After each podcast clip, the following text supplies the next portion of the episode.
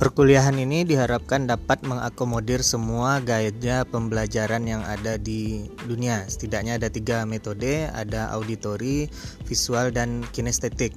Bagi Anda yang gaya belajarnya auditori, Anda dapat menyimak uh, kuliah saya di kelas atau mendengarkan uh, podcast ini. Bagi Anda yang visual, Anda dapat melihat slide atau video yang ada di bahan ajar. Anda juga dapat melihat saya mengajar di kelas. Selanjutnya, untuk Anda yang kinestetik, mungkin Anda akan lebih paham dengan berbagai praktek yang ada di perkuliahan ini. Semuanya tujuannya sama supaya diperoleh pemahaman yang maksimal dan tercapai tujuan yang maksimal. Semoga menjadi ilmu yang bermanfaat.